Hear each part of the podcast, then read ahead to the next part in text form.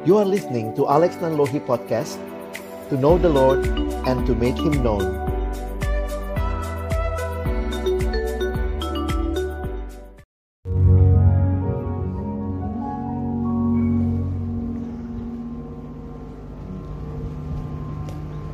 Mari tunduk kepala kita berdoa Bapa di dalam surga, kami bersyukur kepadamu untuk cinta kasih dan anugerahmu di dalam hidup kami. Kembali hari ini kami bersama-sama mendapat kesempatan untuk belajar kebenaran firman-Mu. Kami mohon ya Tuhan, ketika kami membuka firman-Mu, bukalah juga hati kami. Jadikanlah hati kami seperti tanah yang baik, supaya ketika benih firman Tuhan ditaburkan, itu boleh sungguh-sungguh berakar, bertumbuh, dan juga berbuah nyata di dalam hidup kami. Engkau yang mengetahui kelelahan kami, keletihan kami berhari-hari ini. Tapi biarlah waktu ke depan kami khususkan, kami konsentrasikan untuk boleh mengerti kehendakmu. Terima kasih Tuhan. Di dalam nama Tuhan Yesus Kristus, Sang Firman yang hidup, kami menyerahkan pemberitaan firman-Mu. Amin. Silakan duduk. Shalom. Selamat pagi atau sudah menjelang siang ya buat teman-teman sekalian. Selamat datang. Tentunya anugerah Tuhan yang kalian syukuri boleh ada di kampus ini. Tetapi lagu kita mengingatkan kita. Karya Tuhan yang terbesar dalam hidupmu dan hidupku bukan masuk stan. Itu sudah besar. Tapi ada yang jauh lebih besar. Karya terbesar dalam hidupku, pengorbananmu yang selamatkanku. Kalau kamu cuma ada di stan, tidak kenal Tuhan, maka engkau bukan mengalami apa yang menjadi tema kita. Hari ini kita bicara grace upon grace. Mengerti bahwa anugerah luar biasa Tuhan berikan. Dan kembali kita rindu bukan hanya ada di sini karena kamu pintar, karena kamu dapat kesempatan, tapi lebih daripada itu, kamu kenal siapa penciptamu. Saya jujur tidak terlalu bangga ketemu orang pintar. Kenapa? Saya rasa diri saya juga agak pintar, gitu ya. Ada yang bilang, wah banyak orang pintar. Tahun ini saya keliling beberapa tempat di dalam kebaktian mahasiswa baru. Di UI, UGM, beberapa kampus swasta di Jakarta. Dan hari ini di STAN. Kalian adalah orang-orang terpilih. Teman-teman, di bangsa ini penduduk kurang lebih 250 juta yang bisa kuliah cuma kurang lebih 8% di bangsa kita. Dari yang 8% itu segelintir saja yang saya pikir masuk di stan ini. Dari yang segelintir itu kalian segelintir yang Kristen. Terpilih. Sungguh-sungguh terpilih. Tapi pertanyaannya, apakah engkau juga kenal siapa Tuhan yang memilihmu? Tema hari ini akan kita renungkan sama-sama. Kalau kalian agak capek, ya tahan sedikit ya. Saya tahu ini waktu-waktu yang sulit. Cuma dua kemungkinan, kalian tertidur atau saya yang tertidur, ya. Ayo saling menjaga. Menguap diperbolehkan. Orang yang menguap masih bertahan hidup. Kalau ngorok cubit, ya. Oke, Abang mulai dengan kita melihat sebentar apa yang menjadi tema kita. Kita bicara grace upon grace. Tapi hari ini saya mau fokus seperti lagu kita tadi. Karya terbesar di dalam hidup kita. Kekristenan kurang lebih abad yang kelima memilih lambang berikut. Bisa ditolong next? Kayaknya tidak berfungsi ya. Salib menjadi lambang kekristenan sejak abad kelima. Apa yang menarik dari salib ini? Kenapa kita bicara anugerah, kita juga mau bicara salib. saya ingin kita mengerti karya Allah yang besar itu di dalam hidup kita. Ketika dilakukan survei, ini surveinya dilakukan di Eropa, bahkan lebih khusus ada yang mengatakan di Jerman. Waktu dilakukan survei beberapa tahun yang lalu, ternyata orang sudah makin tidak mengerti apa salib itu. Mungkin kau pikir, wih bukannya orang Jerman yang dulu bawa Injil ke tanah barat misalnya ya. Tapi waktu Jermannya di survei, tidak banyak orang yang mengerti. Next. Next lagi. Waktu di survei lambang ini lebih banyak yang kenal. Kalian juga kenal ya? 85% tahu lambang ini yang tahu salib dan artinya cuma kurang lebih 50% katanya. Sedih juga ya surveinya ya. Next. Next lagi. Lambang ini sampai 90% yang tahu. Dan next Next lagi. Lambang ini waktu disurvei karena lagi mau olimpiade sampai kurang lebih 95% yang tahu apa artinya. Karena itu hari ini saya ingin menantang kalian semua untuk melihat kembali. Kalau kita bicara Kristen, kita bicara salib, kita bicara Kristus.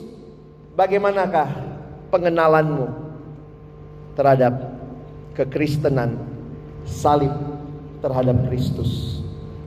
Nah hari ini kita mau lihat sama-sama next di dalam Efesus pasal yang kedua ayat 1 sampai 10. Abang ingin kita baca sama-sama ayatnya. Next kita akan mulai dari ayat yang pertama ya.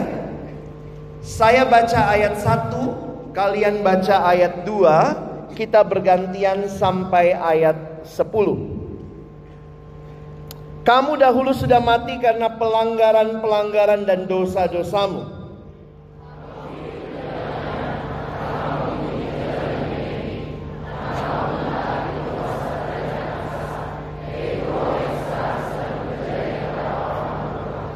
Sebenarnya dahulu kami semua juga terhitung di antara mereka ketika kami hidup di dalam hawa nafsu daging dan menuruti kehendak daging dan pikiran kami yang jahat.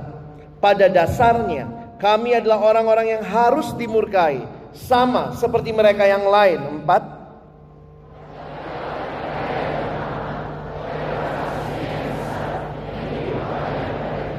Telah menghidupkan kita bersama-sama dengan Kristus Sekalipun kita telah mati oleh kesalahan-kesalahan kita, oleh kasih karunia kamu diselamatkan.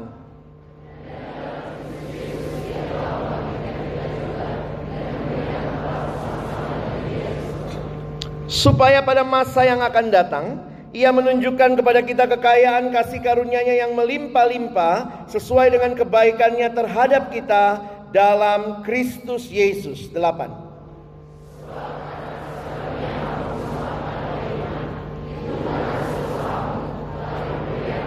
Itu bukan hasil pekerjaanmu. Jangan ada orang yang memegahkan diri.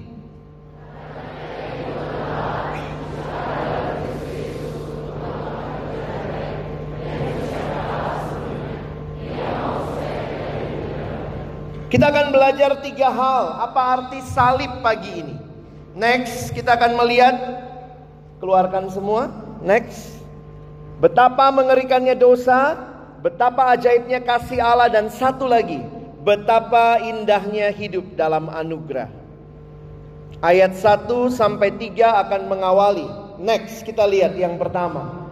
Betapa mengerikannya dosa.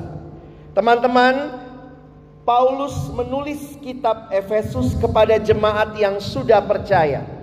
Sehingga dia mengajak mereka ingat lagi siapa mereka dahulu di dalam dosa. Ada dua istilah yang Paulus pakai di situ.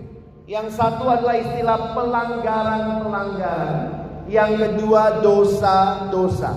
Pelanggaran berkaitan dengan ada hukum yang dibuat, kamu melanggar. Jadi di dalam Alkitab istilah dosa itu ada beberapa penjelasan. Ada yang dikaitkan dengan pelanggaran, berarti ada hukum yang manusia tidak taati. Tapi yang kedua juga ada istilah yang digunakan hamartia. Ini salah satu istilah yang menarik. Hamartia itu berarti meleset dari sasaran. Orang kalau ke mana harusnya kena yang mana? Yang paling tengah.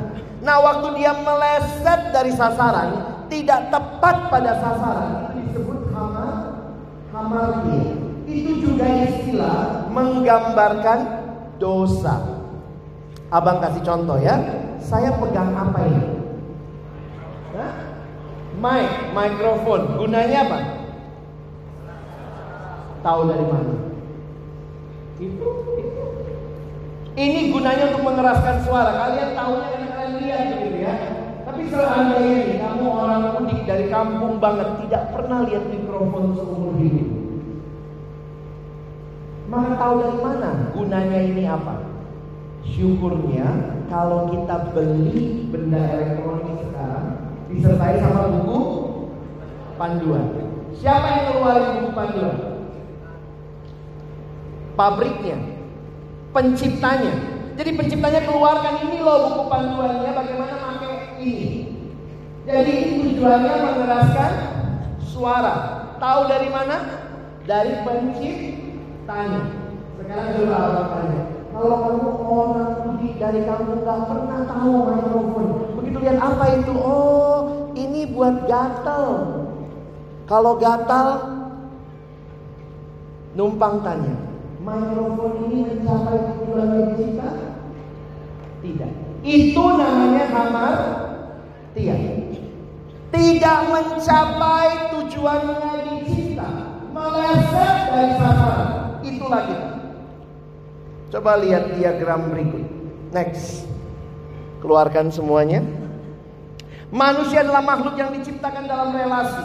Pertama relasi dengan Allah, yang kedua relasi dengan sesama, yang ketiga relasi dengan diri sendiri, dan yang keempat relasi dengan alam. Gampang ingatnya. Sekarang ayo senam pagi sebentar biar ngantuk.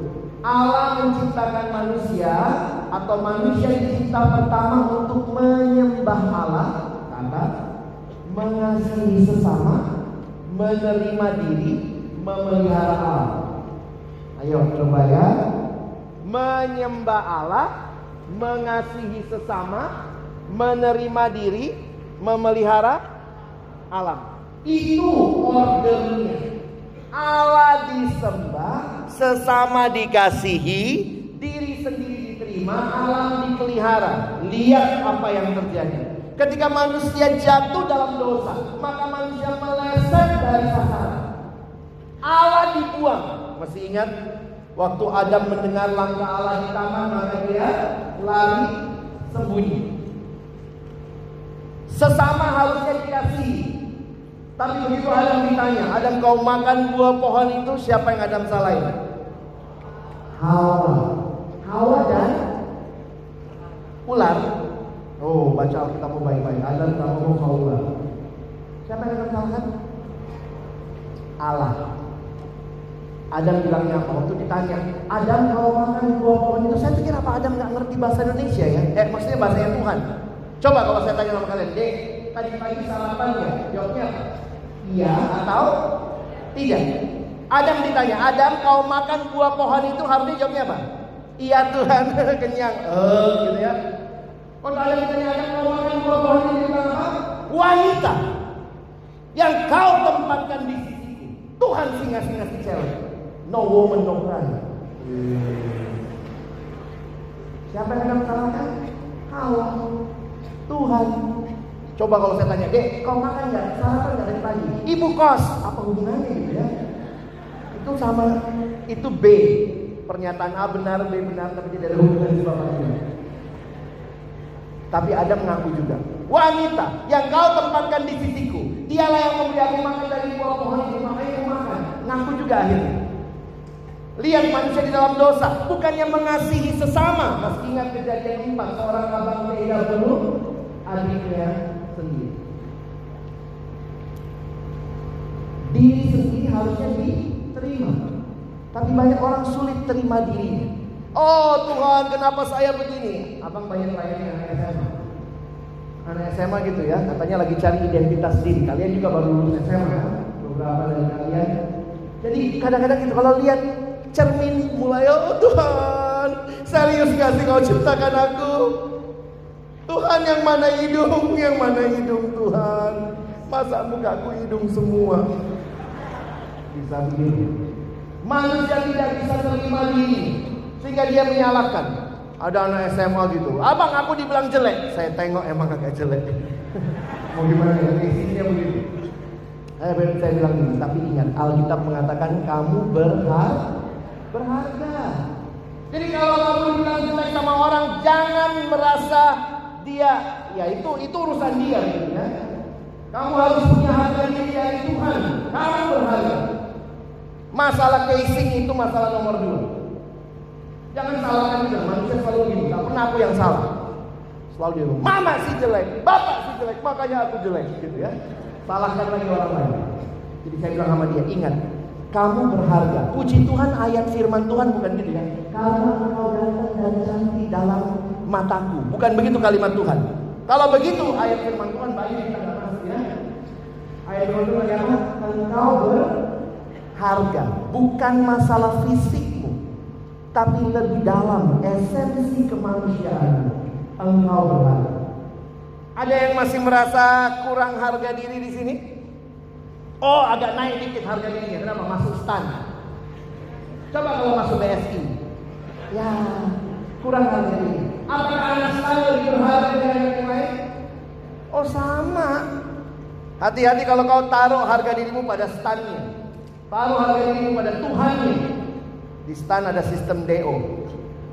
Begitu DO dari stan, oh bunuh diri. Ya, kenapa? Oh, aku tidak ada lagi hargaku. Doh hargamu stan aja. Hargamu yang paling utama kamu milik Tuhan.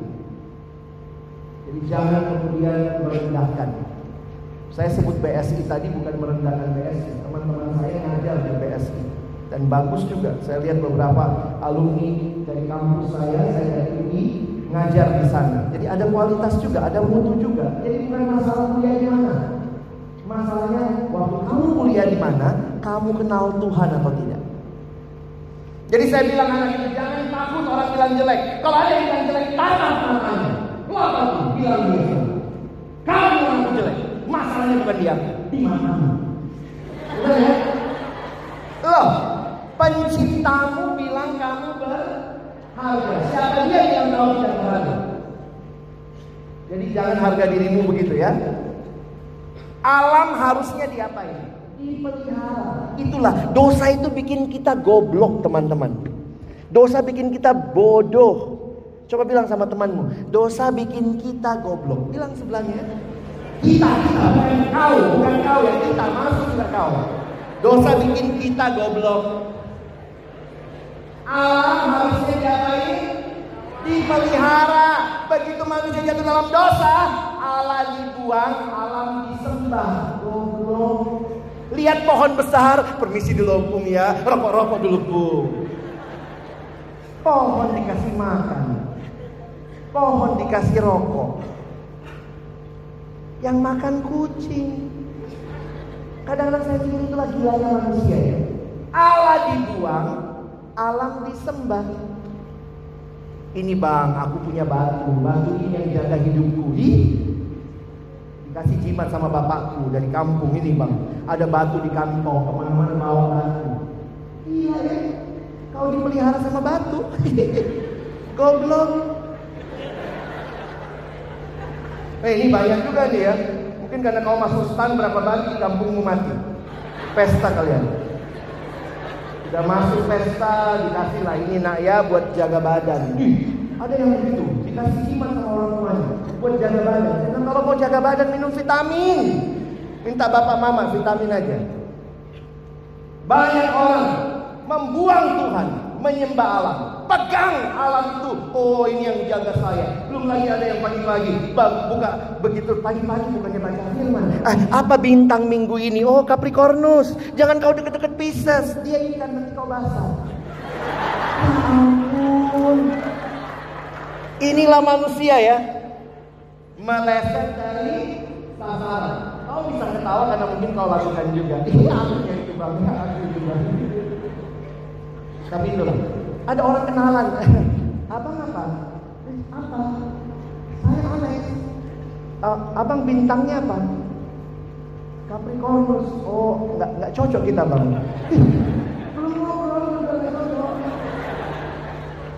Hidupnya ditentukan oleh bintang.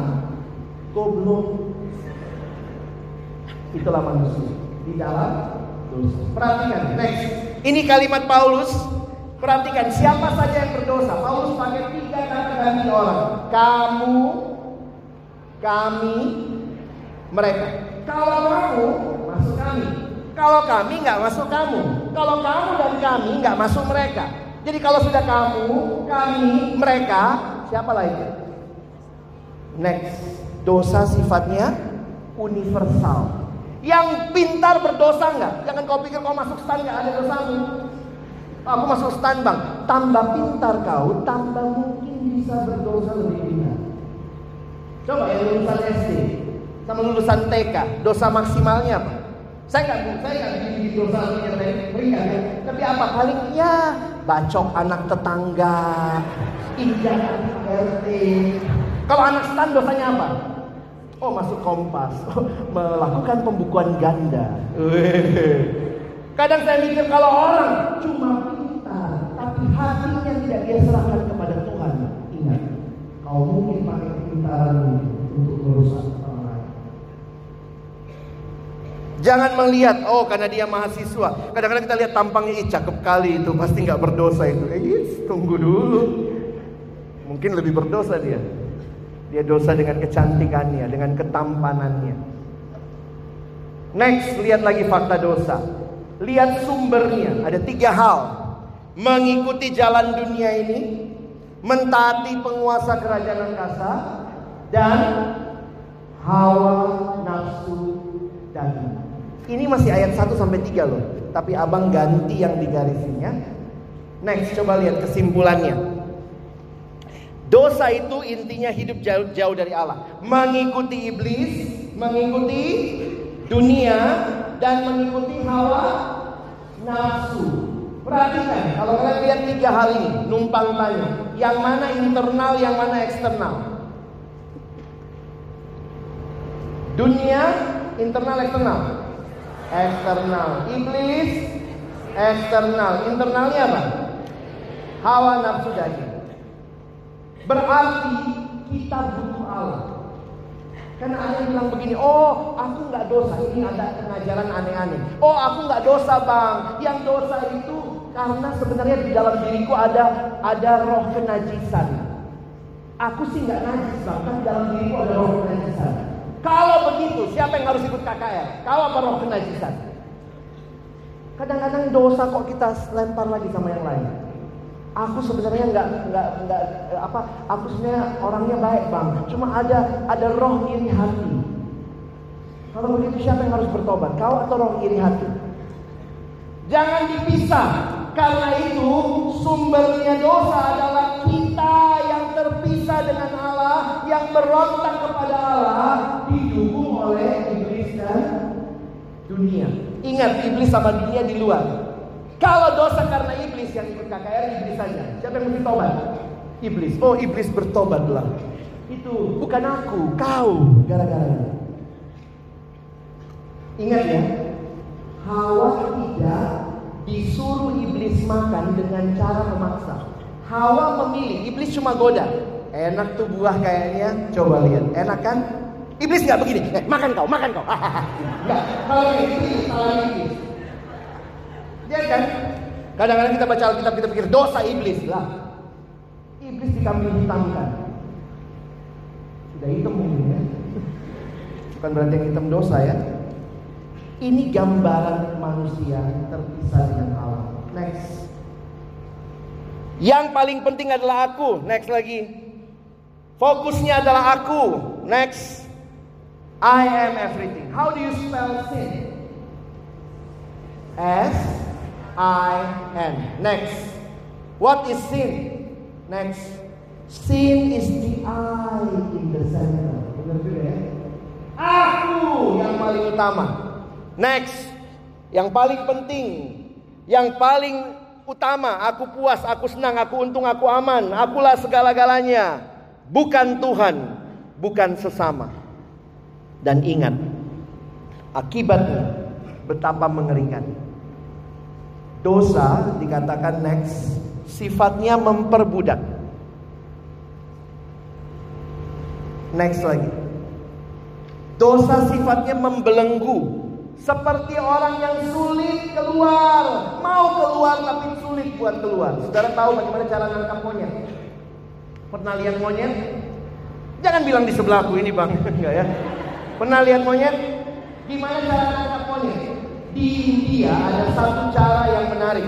Jadi dibikinlah di dalam sebuah kotak kecil ada bolongan lubang, lalu lubang itu ditaruhlah di dalamnya makanan kesukaannya monyet. Apa makanannya? Kita tahu. Bisa nggak tahu? Kacang. Ditaruhlah di dalam. Lalu monyet itu dia masukkan tangannya, dia peganglah pisang atau kacang, dia tarik keluar, nggak bisa. Saya punya gambarnya next, tapi maaf ini monyet agak keren ya, berhamil. Tarik susah keluar. Monyet punya pilihan apa? Lepaskan lalu dia bebas atau sampai pagi pegang begitu dan besoknya tertangkap dengan damai sejahtera. Dan kalian tahu lebih banyak monyetnya besok paginya tertangkap dengan damai. Inilah gambaran dosa. Saya mau lepas, tapi mengikat begitu rumah. Oh enak, oh bang ini enak kali. Saya melayani satu anak, ayo deh hapuslah pornografi itu susah bang. Kenapa susah? Downloadnya lama. Ya ampun, apa yang sedang mengikatmu, saudaraku? Next, mungkin ini yang mengikatmu. Ada yang bilang, oh bang, saya enggak lah, saya merokok itu ya ikut-ikut aja lah. Saya merokok sosial. Social smoker. Saya bilang hati-hati deh. Dosa itu membelenggu. Oh enggak bang. Saya bilang, oh betul tidak? Iya bang, aku mah bebas-bebas aja. Oke, sekarang coba tinggalkan rokok. Susah bang, itu namanya terbelenggu goblok. Kalau kau susah tinggalkan, itu namanya terbelenggu. Banyak orang yang berpikir, oh dia pintar, tapi dosa memang bikin kita luar biasa bodohnya. Tahu tidak boleh, tahu tidak benar, tapi dilakukan. Apa kurang besar tulisannya Merokok dapat menyebabkan segala macam. Kadang-kadang saya pikir lucu juga kita ya. Bisa baca. Saya tanya satu adik, kenapa kau merokok? Ya bang, ya, yang jantan. Ih, ayam kau ya. Gitu logikanya? Ngeri. Atau mungkin yang sedang mengikat kita. Next, ini juga bisa mengikat. Jangan kau pikir ini, oh ini smartphone. Tapi bisa jadi smartphone menjadi goblok phone. Karena dengan smartphone yang sama, engkau dan saya bisa jatuh dalam dosa. Apa isi smartphone? Next, ini namanya smartphone, but not smart. Makanya satu waktu di satu KKR saya dengar hamba Tuhannya bilang begini ya, ini sorry, ini pengakuan dosa. Dia bilang mari kita mengaku dosa, ini acara remaja. Lalu kemudian dia bilang Tuhan, kau maha tahu. Itu berarti kau tahu segala sesuatu. Lalu dia bilang, kalau begitu Tuhan itu berarti kau tahu apa isi HP kami, apa isi laptop kami, apa isi flash disk kami. Kalau itu hal-hal yang tidak memuliakan Tuhan, tolong kami buang. Siapa yang berani mengatakan Tuhan HP ku bagi kemuliaan Tuhan. Jangan-jangan HP ini, HP yang kamu miliki membuatmu jatuh dalam dosa dan membelenggu. Next. Atau mungkin dibelenggu sama belanja. Boleh gak sih belanja? Boleh. Tapi kalau kecanduan, itu yang ngeri. Next, ini wanita-wanita. Drakor. Boleh gak nonton drama Korea? Boleh, masalahnya kadang-kadang kecanduan. Baca Alkitab 5 menit ngantuk. Nonton drama Korea satu malam tiga seri, melek. Besok dia baper, dia putus pacar kau yang baper, bodoh. Next, ini kan, I'm so tired but can't stop watching. Opa, oma, sarang semut, sarang tawon. Next, saya nggak abang nggak kenal ini siapa ya. Next lagi lah, saya cuma cari-cari aja. Next, kadang-kadang nggak masuk akal saya. Ya memang saya bukan penggemar ya, istri saya penggemar. Jadi pernah lah sebagai suami yang baik coba Nonton apa sih dia? Ini Bang Korea. Boleh nggak aku nonton sama? Saya nonton lagi tuh. Aduh ini apa sih? Cowok kok cantik. Bingung abang ya? Ada yang cantik banget gitu ya. Wajahnya itu licin banget gitu. Itu nyamuk nempel lalat nempel kepleset itu. Boleh nonton? Boleh. Tapi bisa jadi ini membelenggu. Hati-hati. Next. Ini bisa membelenggu? Next lagi. Uh. Tadi kau bilang, ah cewek-cewek itu. Ini kau. Hati-hati. Boleh main game? Main game bisa melek. Baca Alkitab dua ayat, tiga ayat. gitu ya. Kalau ditanya, deh, kau udah saat teduh pagi ini? ya bang teduh. Saking teduhnya hidup ini ya. Tapi kalau main game ketemu orang pun gitu ya bisa sombong. Udah level berapa kau? Udah bisa jual karakter nggak? Ya ampun, kadang-kadang orang membagikan kebanggaannya dari hal-hal seperti itu. Tenang kepala. Bukan teroris. Next. Nah, ini juga jadi pergumulan banyak orang. Next, hati-hati ya. Hati-hati sama pornografi. Ini realita. Dulu waktu saya masih remaja, statistiknya tujuh dari sepuluh remaja pria terjebak pornografi. Sekarang statistiknya udah lain. Sepuluh dari sepuluh remaja pria terjebak pornografi. Dan mungkin juga banyak wanita yang sudah mulai terjebak hal ini. Hati-hati, ya. Ini generasi yang sangat lonely. Kebutuhan akan mengisi kesepian menjadi hal yang mengerikan. Salah satunya adalah dengan pornografi. Website Kristen jarang nambah. Memang website Kristen juga sedih ya. Website gereja apa isinya? Uh, upload warta, kasih tahu siapa mati gitu ya. Apa? Gerejamu punya website? Kadang-kadang saya sedih juga, gereja nggak punya website, tapi website porno sehari bertambah 2000 website. Jadi kadang-kadang nggak nggak ngejar. Next, hati-hati ini juga banyak. Lagu Boti. Sorry yang dari lagu Boti ya. Gak apa-apa lah bang, laki sama laki yang penting sayang. Dosen saya dulu waktu saya studi di Eropa dia bilang begini, please keep in your mind when God first created man, sorry, when God first created human, He created Adam and Eve, not Adam and Steve. Bukan Adam sama Steve gitu ya. Hati-hati, teman-teman kita mesti menyikapi. Kalau ada yang punya pergumulan seperti ini, cari bantuan. Jangan merasa aman. Next, ini juga melanggar.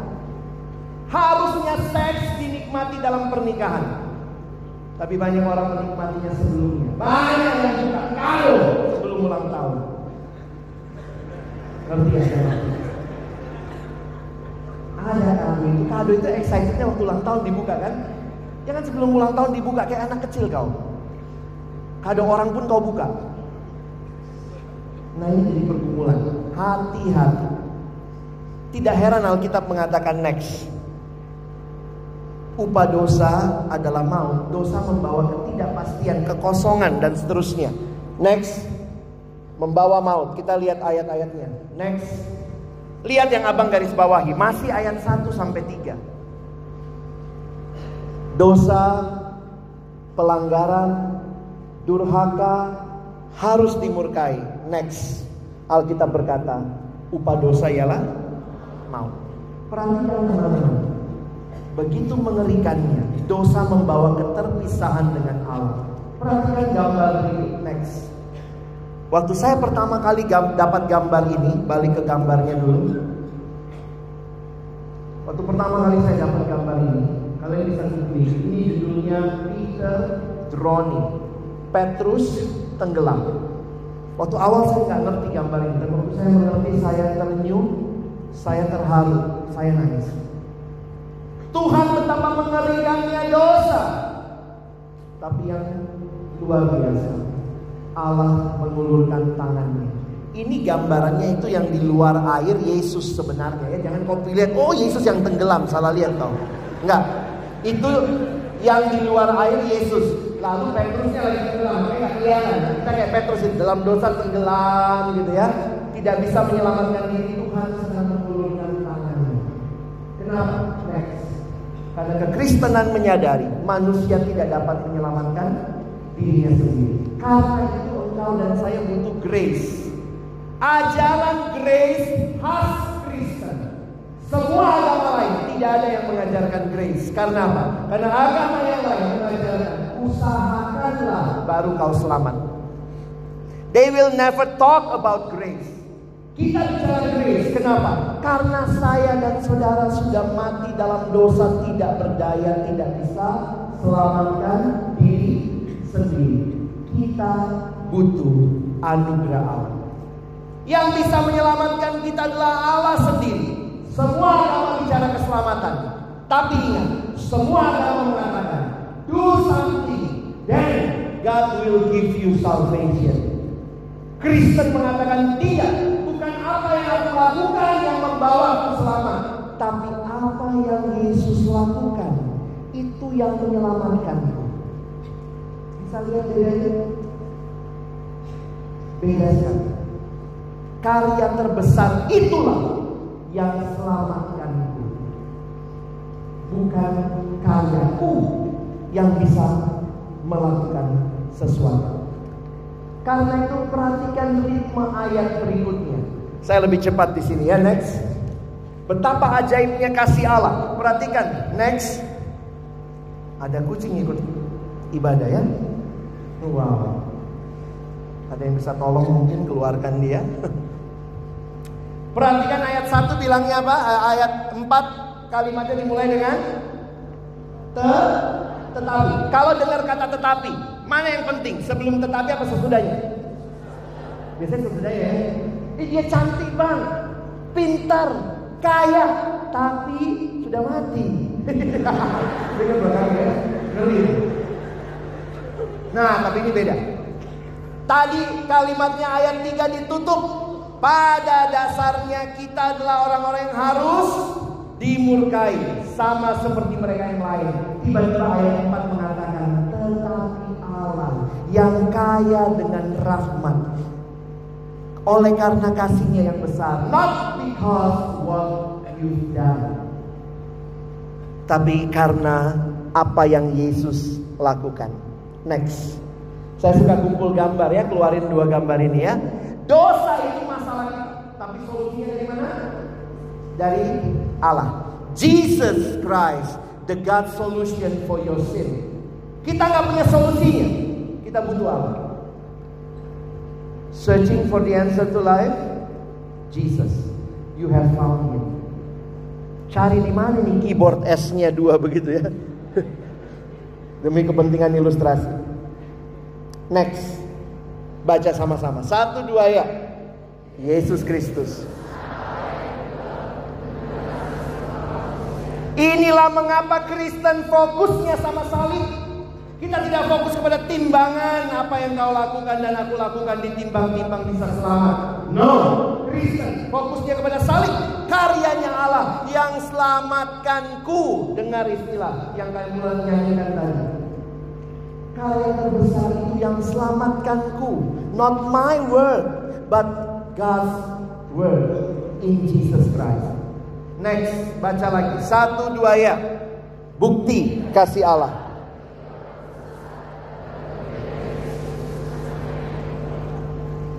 Next kita lihat lagi. Yuk kita baca lagi. Satu dua ya. Allah menebus manusia melalui pengorbanan anaknya Yesus Kristus satu-satunya jalan keselamatan kepada Allah. Next, waktu pertama kali saya dapat gambar ini, ini siluet Yesus. Tapi pertanyaannya, di mana Yesus bilang sudah selesai? Di kayu salib ya. Ini dari lahir sampai bangkit. Yesus tidak bilang sudah selesai di palungan. Kalau dia bilang sudah selesai di palungan, lari ke gembala. Ya, dia ngomong udah selesai, lari gembala. Kalau Yesus datang buat lahir, selesainya di mana? Di palungan, udah selesai. Dia tidak bilang sudah selesai, habis kasih makan lima ribu orang, lalu Yesus bilang sudah selesai. No. Kalau begitu kita nggak selamat, jenuh dia. Makan doang. Yesus tidak bilang sudah selesai, habis dia jalan di atas air, dia bilang sudah selesai. Dia bukan datang buat akrobat. Yesus sudah selesai di atas kayu salib. Karena di situlah hutang dosamu dan hutang dosa dia bayar lunas. Bukan kamu dan saya yang bayar. Kita tidak mampu selamatkan diri. Next. Kita baca sama-sama apa yang terjadi di kayu salib. Satu dua ya. Dia yang tidak mengenal dosa telah dibuatnya menjadi dosa karena kita. Supaya di dalam dia kita dibenarkan dia menggantikan kita. Next. Yesus membayar harga yang sangat mahal untuk penebusan kita. Next, ini pendeta Billy Graham, almarhum. Kalimat yang saya selalu ingat dia katakan, salib adalah bukti termulia kasih Allah. Salib menyingkapkan kasih terbesar dalam dunia. Yang ditangkap dalam lagu karya terbesar karya terbesar dalam hidupku. Pengorbananmu yang selamatkanku. Lalu itu tidak bisa dipinjam oleh agama lain. Karena mereka tidak punya konsep pengorbananmu yang selamatkanku. Semua agama konsepnya apa? Pengorbananku yang selamatkanku. Bukan begitu Kristen. Perhatikan kalimat berikut. Next dengan pengorbanannya di kayu salib. Yesus ingin mengatakan kepadamu, aku mengasihi. Next. God loves you. Jesus loves you. No question. Dia buktikan itu di kayu salib. Kan itu perhatikan ayat ini. Next. Perhatikan ayat 7, ayat 4 sampai 7. Perhatikan yang abang buat warna merah. Nanti kalian lihat lagi di rumah. Keselamatan yang diberikan kepada kita punya tiga dimensi. Dulu, sekarang, akan datang. Karena itu keselamatan kita bukan mudah-mudahan. Pasti. Kalau keselamatan karena pengorbananmu, aku dan kamu maka engkau dan saya tidak bisa memastikan keselamatan. Kenapa? Kadang-kadang kita baik, kadang-kadang kita nggak baik. Lebih banyak baiknya apa nggak baiknya? Jadi nggak selamat. Kalau kebaikan kita bisa menyelamatkan, saya yakin tidak banyak dari kita yang selamat. Tapi karena keadilan Allah, kasih Allah, dia selamatkan. Keselamatan kita kekal, dimensinya dulu, sekarang akan datang. Next. Yesus berkata, "Akulah jalan dan kebenaran dan hidup. Tidak ada seorang pun yang sampai kepada Bapa kecuali melalui aku." Janjinya apa? Next, ini. Tolong next. Hidup kekal. Tadinya binasa, dimurkai. Ayat 4 sampai 7. Sekarang hidup kekal. Bagian terakhir, next. Kita tutup dengan ayat 8 sampai 10. Judulnya apa? Betapa indahnya hidup dalam anugerah. Next. This is grace upon grace. Perhatikan ayat 8. Next. Dua bagian saya garis bawahi. Percaya atau iman dan pekerjaan baik. Apa bedanya Kristen sama agama lain? Saya simpulkan dengan kalimat ini. Next. Kita baca sama-sama. Satu, dua, iya. Kita diselamatkan bukan karena melakukan perbuatan baik. Tetapi. Jadi jangan kau pikir, oh Kristen tidak mengajarkan perbuatan baik. Kristen mengajarkan perbuatan baik. Tapi tempatnya bukan syarat keselamatan respon keselamatan. Karena syarat keselamatan adalah percaya pada karya Kristus di kayu salib. pengorbananmu. Aku percaya pengorbananmu yang selamatkanku. Bukan kebaikan. Paulus menutup pasal 2 dengan ayat ini. Next. Karena kita ini buatan Allah diciptakan dalam Kristus Yesus. Perhatikan nggak dua istilah. Diciptakan buatan. Abang tutup dengan dua kalimat ini next. Di perjanjian lama ada penciptaan. Kalau saya mencipta sebuah benda, contoh saya cipta mic ini. Begitu mic ini dicipta, ini punya siapa? Punya yang cipta. Di perjanjian baru, next, ada konsep diciptakan lagi. Konsep kedua penebusan. Ini dua konsep besar di Alkitab kita. Penciptaan dan penebusan. Apa artinya penebusan? Ini istilah ekonomi. Kalau ada sebuah benda terjual tergadai, apa artinya menebus? Menebus berarti saya bayarkan sejumlah uang atau saya tukar barang supaya benda yang terjual tergadai itu bisa kembali jadi milik saya. Di dalam konsep penciptaan dan konsep penebusan, dua-dua ada konsep kepemilikan itu ditegaskan di ayat ini. Dicipta saja kita miliknya Allah. Allah bukan hanya cipta, Dia tebus kita. Jadi kalau di stempel kayak dua kali di stempel, inilah caranya Paulus mengatakan, karena kita ini buatan Allah, dicipta, tapi kemudian kita diciptakan lagi dalam Kristus, ditebus. Seolah Paulus bilang, tak, kamu milik Allah. Di cap lagi kamu benar-benar miliknya Kristus yang disiapkan untuk pekerjaan baik.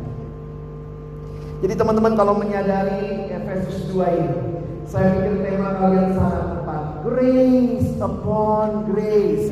Terus anugerah Allah yang kita alami. Karena itu next, apa respon kita? Next, saya pikir ini harusnya jadi respon kita. Menerima Yesus sebagai satu-satunya Tuhan dan Juru Selamat di dalam hati. Saya dulu nggak ngerti apa sih terima Yesus. Saya dari kecil Kristen. Tapi kemudian dalam perjalanan iman saya, saya sadar saya cuma Kristen KTP, Kristen tanpa pengenalan akan Tuhan, Kristen KTP, Kristen tanpa pertobatan, Kristen KTP, Kristen tanpa perubahan. Saya mengakunya Kristen, tapi saya tidak mengerti apa artinya jadi Kristen. Saya pikir perbuatan baik saya yang menyelamatkan saya. Sampai saya mengerti, saya simpulkan dalam dua hal. Apa artinya terima Yesus? Pertama, next. Yuk kita baca satu dua ya. Percaya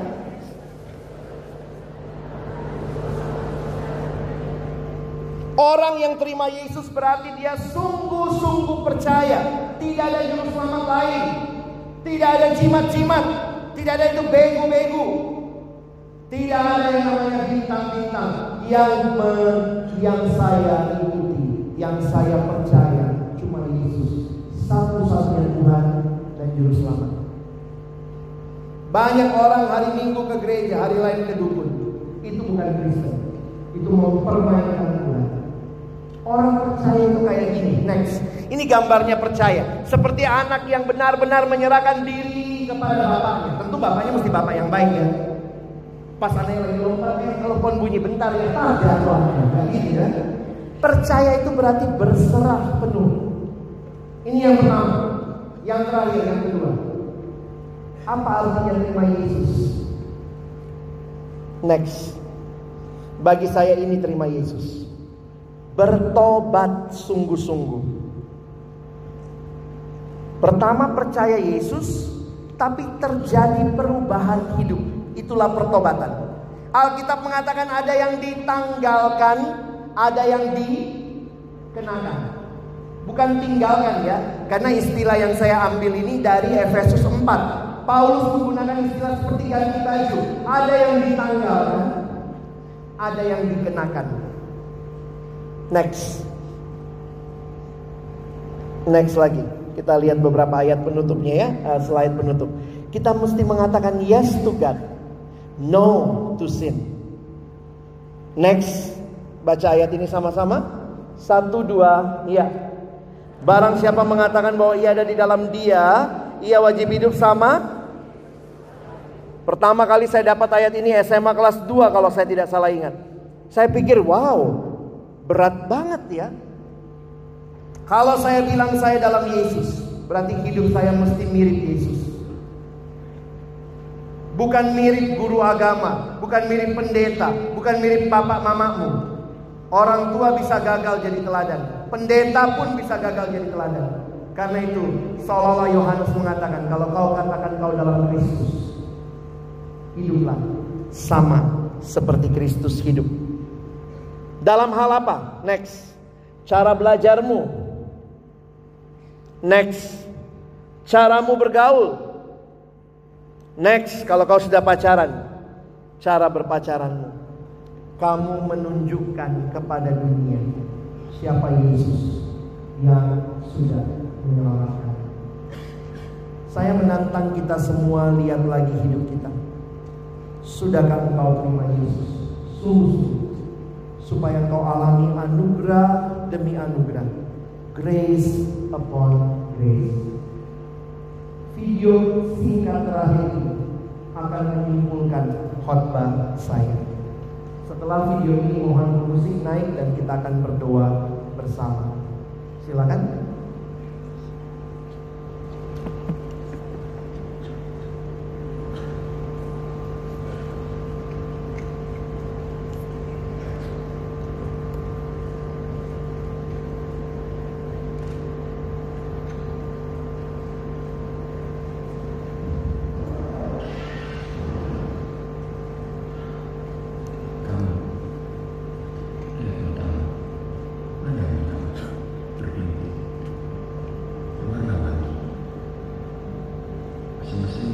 Suaranya boleh dikeraskan.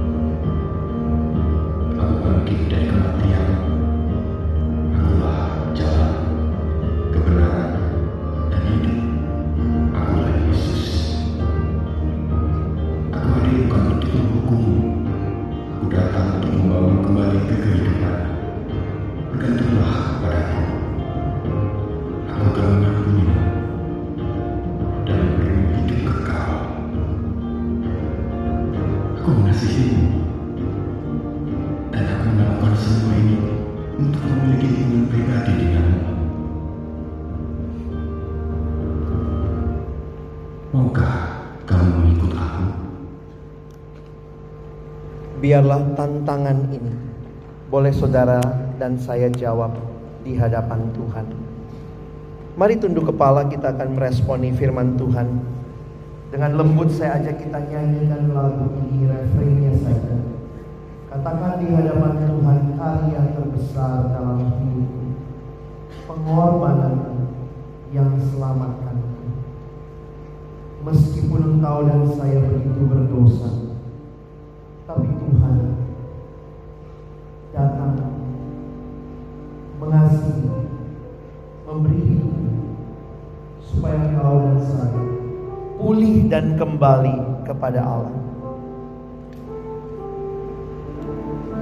Karya terbesar dalam hidupku pengorbananmu yang selamatkanku. Engkaulah harta yang tak ternilai Yang ku miliki dan ku hargai Yesus engkau ku kagumi Sekali lagi dengan lembut katakan refrennya Karya terbesar Karya terbesar. Dalam hidupku Pengorbananmu Tuhan Yang selamatkanku Engkaulah harta Yang tak ternilai Yang dan ku hargai Yesus engkau ku kagumi. Waktu semua tunduk kepala di hadapan Tuhan Biarlah tidak usah lihat ke kiri kanan. Kita akan memberi keputusan di hadapan Tuhan. Saudara tidak bisa mengambil keputusan untuk hidup orang lain Saudara hanya bisa mengambil keputusan untuk hidupmu sendiri. Di hadapan Tuhan yang mengenalmu Izinkan saya pagi hari Sebagai hamba Tuhan memberikan dua pertanyaan untuk saudara jawab Di hadapan Tuhan. Siapa yang berkata di hadapan Tuhan hari ini? Tuhan di sini saya. Selama ini saya hidup menikmati dosa. Mungkin saya dari kecil Kristen, saya sudah ke gereja, tapi sebenarnya hidup saya adalah hidup yang mengalami perubahan, hidup yang tidak jelas, hidup yang menikmati dosa. Dan hari ini Tuhan, saya bersyukur, saya mendengar berita Injil Anugerah, bukan apa yang aku lakukan, tapi karyamu di kayu salib yang menyelamatkan. Hari ini saya mau buka hati untuk pertama kali buka hati menerima Yesus sebagai satu-satunya Tuhan dan Juru Selamat. Dan juga saya mau bertobat menanggalkan manusia yang lama, mengenakan manusia yang baru. Tidak lagi hidup terus di dalam dosa. Ini saya. Jika ada adik-adikmu yang hari ini mau ambil keputusan bagi kalian yang pertama kali yang terima Yesus dalam hidup. Abang ingin mendoakan keputusan. Jika hari ini kau sudah dengar firman Tuhan, kau dengar apa artinya terima Yesus. Pertanyaannya, maukah hari ini kau buka hati, terima Yesus sebagai satu-satunya Tuhan dan Juru Selamat di dalam hidup. Jika ada yang mau ambil keputusan ini, Angkat tangan sebentar, saya mau berdoa bagi. Apakah ada? Puji. Puji Tuhan, ada lagi. Puji Tuhan. Puji Tuhan. yang hari ini berkata Tuhan di sini saya. Saya tahu betapa dalamnya saya sudah jatuh dalam dosa. Tapi betapa luar biasanya anugerahmu yang menyelamatkanku. Tuhan terima kasih kau tidak membuangku. Tapi kau menyelamatkanku. Saya mau buka hatiku hari ini.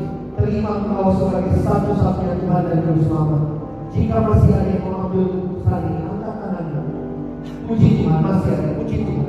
Ada lagi. Puji Tuhan. Puji Tuhan. Tidak usah lihat kiri kanan. Karena kau tidak bisa ambil keputusan buat orang lain. Tapi kalau hari ini Tuhan berbicara kepada tinggalkan dosa. Buka hatimu terima dia. Jika masih ada sebelum abang berdoa, angkat tangan. Puji Tuhan. Puji Tuhan masih ada lagi. Puji Tuhan. Puji Tuhan ada lagi. Puji Tuhan masih ada lagi. Puji Tuhan. Tangan diturunkan. Pertanyaan saya yang kedua.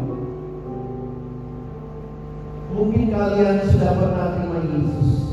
Bagi adik-adikku yang sudah pernah dilayani sebelumnya. Kau sudah pernah buka hatimu terima Yesus, pernah ikut acara semacam ini di gereja, di sekolah.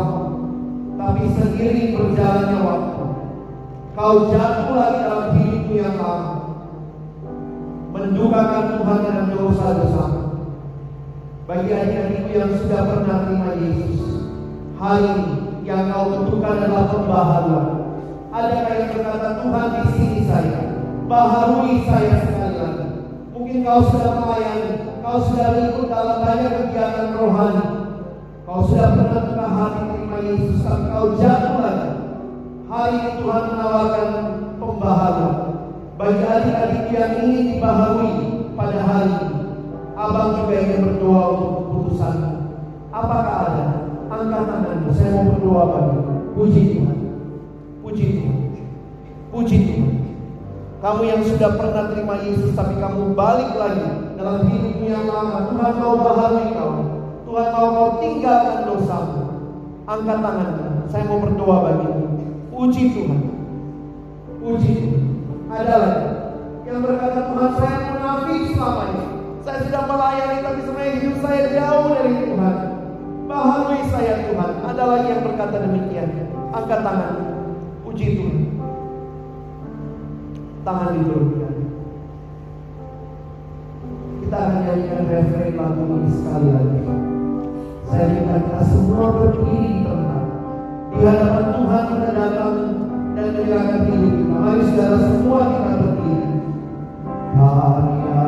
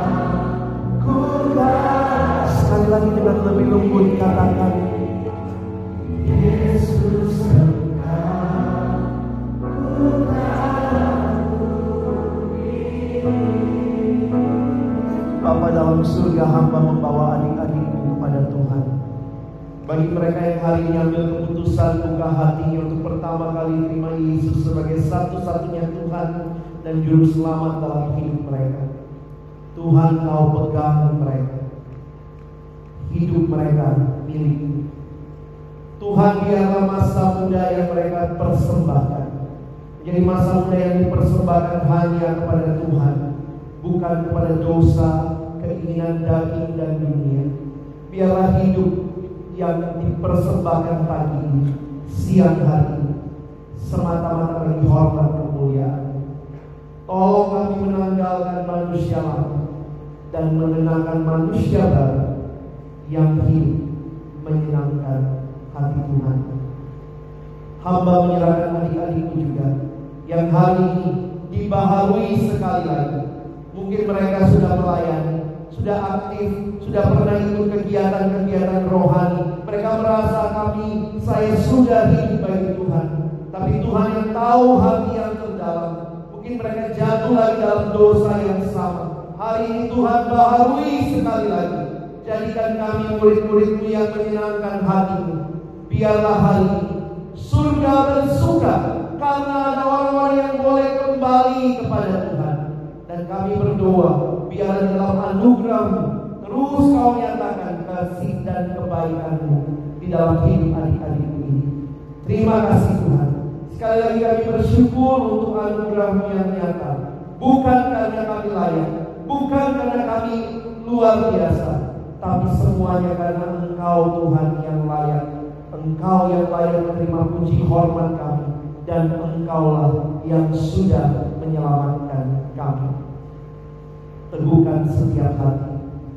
Jika ada tetesan air mata karena dosa yang begitu mengerikan, kami berdoa hari biarlah ada kebebasan, ada pemulihan di dalam kasihnya Tuhan.